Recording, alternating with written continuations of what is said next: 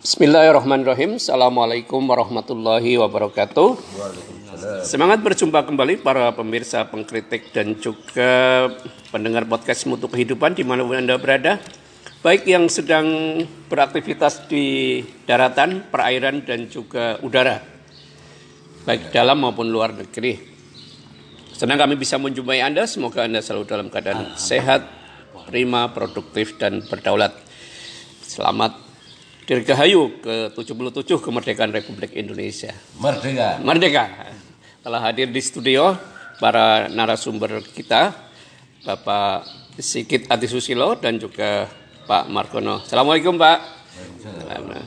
Uh, terima kasih sudah berkenan hadir dan bersuguh-suguhan kopi dan gorengan serta kurma. Kali ini kita akan membincang hal yang sederhana, yakni tentang bagaimana memupuk memelihara dan mengembangkan uh, rasa cinta kebangsaan di era yang penuh tantangan ini ya. Tantangan ini. Ya uh, sebagaimana kita ketahui bahwa uh, rasa cinta kebangsaan itu tidak hadir dengan sendirinya tapi harus ditanam dan dipupuk ya. Nah uh, dalam pengalaman Pak Haji Sigit uh, sebagai yang punya putri-putri sedang tumbuh berkembang gitu ya. Dalam pengalaman Anda, bagaimana Anda menanamkan dan menumbuhkan rasa kecintaan eh, anak-anak generasi muda kita kepada uh, bangsa ini yang rasa cinta kepada bangsa itu yang kita sebut dengan nasionalisme lah gitu. Silakan Pak Sikit. Ya. Pertanyaannya biasa didengar, tapi penyampaiannya ya susah. Minum lagi dulu biar iya, bisa iya, iya. berpikir. Berpikirnya lebih cerdas. Iya. Assalamualaikum warahmatullahi wabarakatuh. Waalaikumsalam. Ya, terima kasih Pak Tar. Bagaimana menumbuhkan menanam. Oh, menanam dulu iya. terus tumbuh gitu. Iya, dan memelihara. Ya. Istilahnya anak-anak itu ya biar ada pemikiran untuk selalu cinta bangsa. Cinta bangsa. Ya. Iya, Pak. Iya itu gampang-gampang angel pak. Tapi ya bagaimana kita biar mudah dalam penerapannya. Uh, begini, cinta bangsa, sebuah cinta itu tak harus dengan berkorban. Wah, iya pak. Hmm. Iya di situ pak. Jadi apalah maknanya cinta tanpa pengorbanan? Iya. Puisi baik. Oh, itu benar pak. Puisi itu tumbuh dari Cinta. kenyataan realita nah, gitu loh jadi saya kira nah, kita untuk biar mereka itu tumbuh ya kita harus berani berkorban dulu pada mereka gitu loh hmm. contohnya perhatian ya toh pak hmm. perhatian itu memang gampang sih hmm. Tapi dalam prakteknya kan tetap butuh korban apalagi zaman sekarang. Hmm. yang minta ini minta itu gitu. Hmm. jadi sini sebentuk konsekuensi. Hmm. Ya toh pak? Jadi di sini ya gampangnya seperti itu pak. Cara menanamkannya. Kita menyesuaikan dengan zamannya tapi kita tidak lepas dengan aturan agama. Dan tetap hormat sebagai anak pada orang tua dan kita menghormati dia sebagai anak itu loh sesuai batas dengan hak dan kewajibannya itu kalau kembali ke masalah cinta kebangsaan tadi ya, ya cinta tanah air. Itu sebenarnya tahun saja. uh, kita tanamkan dari dalam rumah kita itu loh. Artinya keluarga menjadi sarana untuk penyemaian iya, dan penumbuhan rasa iya, kecintaan. Itu tadi ya dan kewajiban kita tanamkan hmm. dengan konsekuensinya dia sebagai pemuda-pemudi zaman milenial sekarang ini. Hmm. Jadi kalau kita taruh seperti yang dulu nggak bisa, Pak. Hmm. Tapi meskipun zaman berubah, uh, polanya sama menyemai ya. dan menumbuhkan serta mengembangkan bangsaan tetap harus dilakukan tetap dilakukan hmm.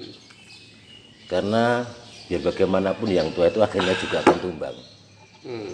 kalau tidak ada uh, generasi penerus ya sama aja pak tinggal nunggu hancurnya aja gitu hmm. Dan ini menjadi tanggung jawab dari keluarga kita masing-masing. Hanya perbincangan ini penting untuk mengingatkan semua keluarga di Indonesia. Iya. Gitu. Iya benar pak, tanggung jawabnya itu masih banyak.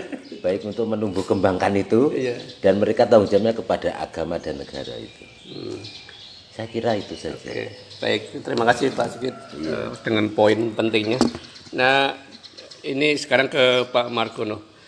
Kan eh, ke- kita sudah berangkat dari cara menumbuhkan rasa cinta kebangsaan yang sederhana di zaman-zaman eh, kolonial, kemudian di zaman kemerdekaan, zaman pembangunan dan, dan sekarang zaman reformasi ya Pak ya, reformasi dan tantangan global Iya. kalau disederhanakan eh, apa yang bisa dilakukan oleh eh, keluarga dan masa, khususnya masyarakat Indonesia Pak untuk bisa menjadikan keluarga-keluarganya itu menjadi eh, pusat-pusat penyemaian untuk rasa cinta bangsaan ini Pak.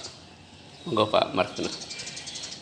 Tapi ngunjuk dulu biar ini Ya terus lagi. Lagi Pak terus ya. Ya, silakan Pak Margono. Iya Pak, untuk Iya. Tanam. untuk apa menumbuhkan rasa Dihabisin. kebangsaan Kalau nggak bisa. ada beberapa cara menurut saya. Yang pertama adalah selalu ditekankan pengenalan pada eh, istilahnya tanah air. Istilahnya misalkan lewat tadabur alam itu juga perlu Hmm. ini loh bahwa Indonesia adalah sangat luas, subur, dan ini harus dikelola dengan segala daya dan kemampuan. Kalau bisa itu putra-putra bangsa itu sendiri, Nah, Hmm. itu sangat penting. Artinya jangan jangan terjebak di kampung sendiri ya. Ya, Oh. artinya sosok tidak naik ya ke gunung, ke laut, ke hutan dan sebagainya. Ah, mantap. Ternyata begitu loh, anu ciptaan Allah dan ini milik bangsa Indonesia dan ini adalah surganya dunia. Mungkin itu ya. Sehingga rasa cinta pada kebangsaan terutama katakanlah NKRI itu akan insya Allah akan selalu tertanam atau sedikit banyak ada inspirasi yang harus dijaga. Jangan kalau sekarang cinta tanah termasuk misalkan menjaga lingkungan, eh, bagaimana supaya tumbuhan tidak punah, hutan tidak terkikis habis. Itu termasuk kalau saya termasuk bagian dari cinta kebangsaan dan nantinya untuk anak cucu mereka Keberlangsungan. eh, keberlangsungan. Kemudian yang kedua Hmm. eh, lewat siar-siar agama menurut saya bahwa cinta tanah air itu adalah bagian dari iman hubul waton minal iman. Sehingga sehingga apa? selalu membela negara selalu apa? Eh, membuat bangsa kita itu maju dan lain sebagainya itu terletak pada kita semuanya kita itu selalu bersyukur harusnya bahwa Indonesia khususnya itu semuanya serba kaya Insya Allah kaya dan itu memang betul-betul surganya tapi eh, yang jadi satu pertanyaan Adalah? kemarin adalah betulkah kita itu sudah merdeka Wah, ini ini ini. ini. Ini Ya, mungkin sementara itu Pak terima kasih Ya ini ini pertanyaan yang menyulut dan pasti diskusinya tidak tidak pendek gitu. ya. Menggelitik. Menggelitik ya. Ya. Eh, Pak Sigit kembali ke yang Pak Sigit sampaikan menyambungi sampaikan Pak Margono tadi bahwa cinta tanah air ini memang harus ditumbuhkan dipelihara ya dan salah satunya dengan eh, menata dan memelihara lingkungan ya Ya. dan membiasakan Itu membiasakan anak-anak untuk berkelana ke berbagai Belan. belahan negeri ini. Belahan negeri ini. Eh, cinta itu kan tidak akan bertambah ketika kita tidak tahu eh, informasi tentang yang kita cintai Pak Iya. cinta itu mendorong kita untuk tahu lebih banyak atas yang yang eh, dicintai itu kan. Tanah air sebagai objek yang dicintai. Eh, oh ini bisa panjang nih ya. Ya enam lima menit lagi Lama lagi. ya artinya mari eh, selama ini eh, banyak generasi muda yang terlahir ya seolah-olah negeri Indonesia itu baru dimulai setelah dia lahir setelah dia lahir atau mundurnya kalau mundur ya 1945 gitu ya. Padahal sebagai bangsa kan bukan hanya 1945 ya gitu ya. Tapi ada jalur panjang ya. Nah, artinya banyak generasi muda sekarang menganggap sejarah bangsa sebagai sesuatu yang memberatkan pikiran Pak Sigit. Bagaimana ini tanggapan Pak Sigit? Iya, benar sekali. Sekarang itu program orang itu anak-anak itu modelising kok. Ya itulah di uh, mengolah itu loh hmm. dalam artian sesuai dengan zamannya itu loh yang sekarang itu hmm. belum ketemu formulanya itu saya kalau melihat seperti itu jadi memang saya lihat uh, di sini tuh uh, nyocoknya frekuensi sebenarnya hmm.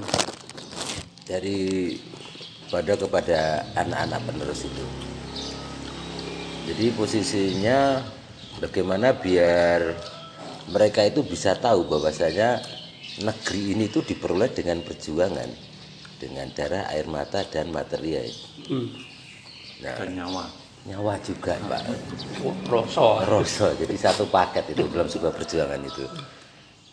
Nah bagaimana mereka itu bisa tahu bentuk perjuangan dan akhirnya bisa menembus tapi kalau saya lihat eh, sebenarnya rasa kebangsaan yang paling besar itu ada di Indonesia. Hmm. Saya nonton-nonton belum pernah keluar negeri ya cuma beberapa aja. Itu itu saya cuma nonton dari YouTube entah itu bentuk untuk mayok ke YouTube-nya atau gimana nggak tahu ya.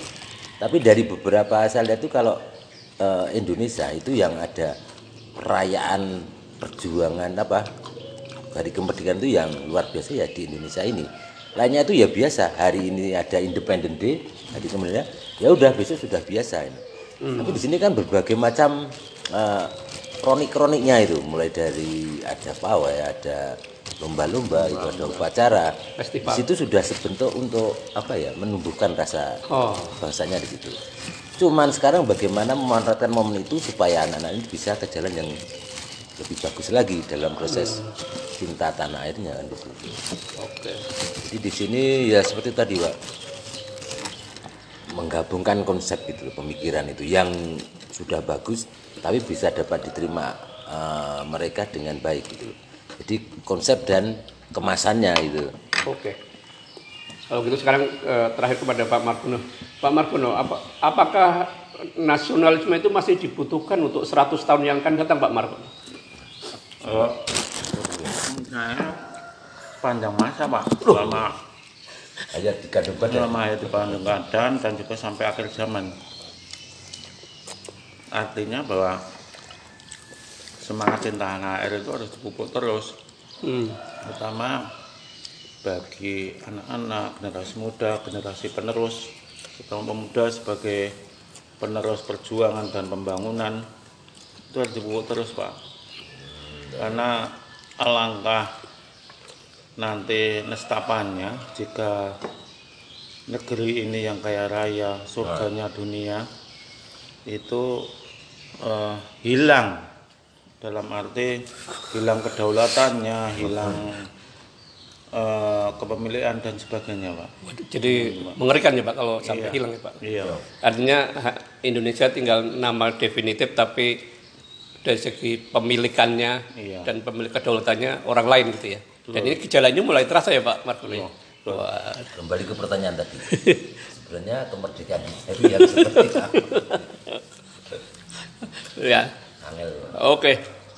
Baiklah para pemirsa dan juga pendengar podcast Mutu Kehidupan di mana pun Anda berada. Dengan demikian ada tiga hal yang menarik bahwa eh, kecintaan kepada tanah air dan bangsa itu harus diproses melalui Eh, media pendidikan dan pembiasaan di keluarga-keluarga di Indonesia. Yang kedua, keterlibatan dalam organisasi masyarakat untuk memelihara lingkungan eh, secara aman dan terpadu dan juga memberi kesempatan dan fasilitasi kepada generasi muda untuk mengenal lebih banyak negerinya gitu Pak Margono ya. Iya. Bagian-bagian negeri ini bahwa beserta sumber dayanya supaya memberikan rasa syukur dan kebanggaan kepada generasi muda dan yang terpenting lagi yang ketiga adalah bahwa kecintaan semua itu harus diiringi dengan kekuatan untuk meningkatkan kedaulatan dan penguasaan untuk pemanfaatannya secara secara baik, adil dan bersama, makmur bersama gitu. Terima kasih sudah berkontribusi di diskusi pagi ini Bapak sekalian dan juga para pemirsa. Semoga ini bisa menginspirasi untuk eh, keluarga-keluarga dan organisasi di Indonesia dan orang-orang Indonesia yang berada di belahan bumi mana pun gitu. Eh, kita akhiri dengan bacaan hamdalah bersama. Alhamdulillahirrahmanirrahim. Assalamualaikum warahmatullahi wabarakatuh. Kira pengajian ini toh. Apa kita sudah merdeka? Iya Pak, aku kita teko, aneh piye? Tunggu aja. Ya, oh, tunggu aja tambah dulu. Ya, Ya, yang Iya, terkenal. iya. Hmm.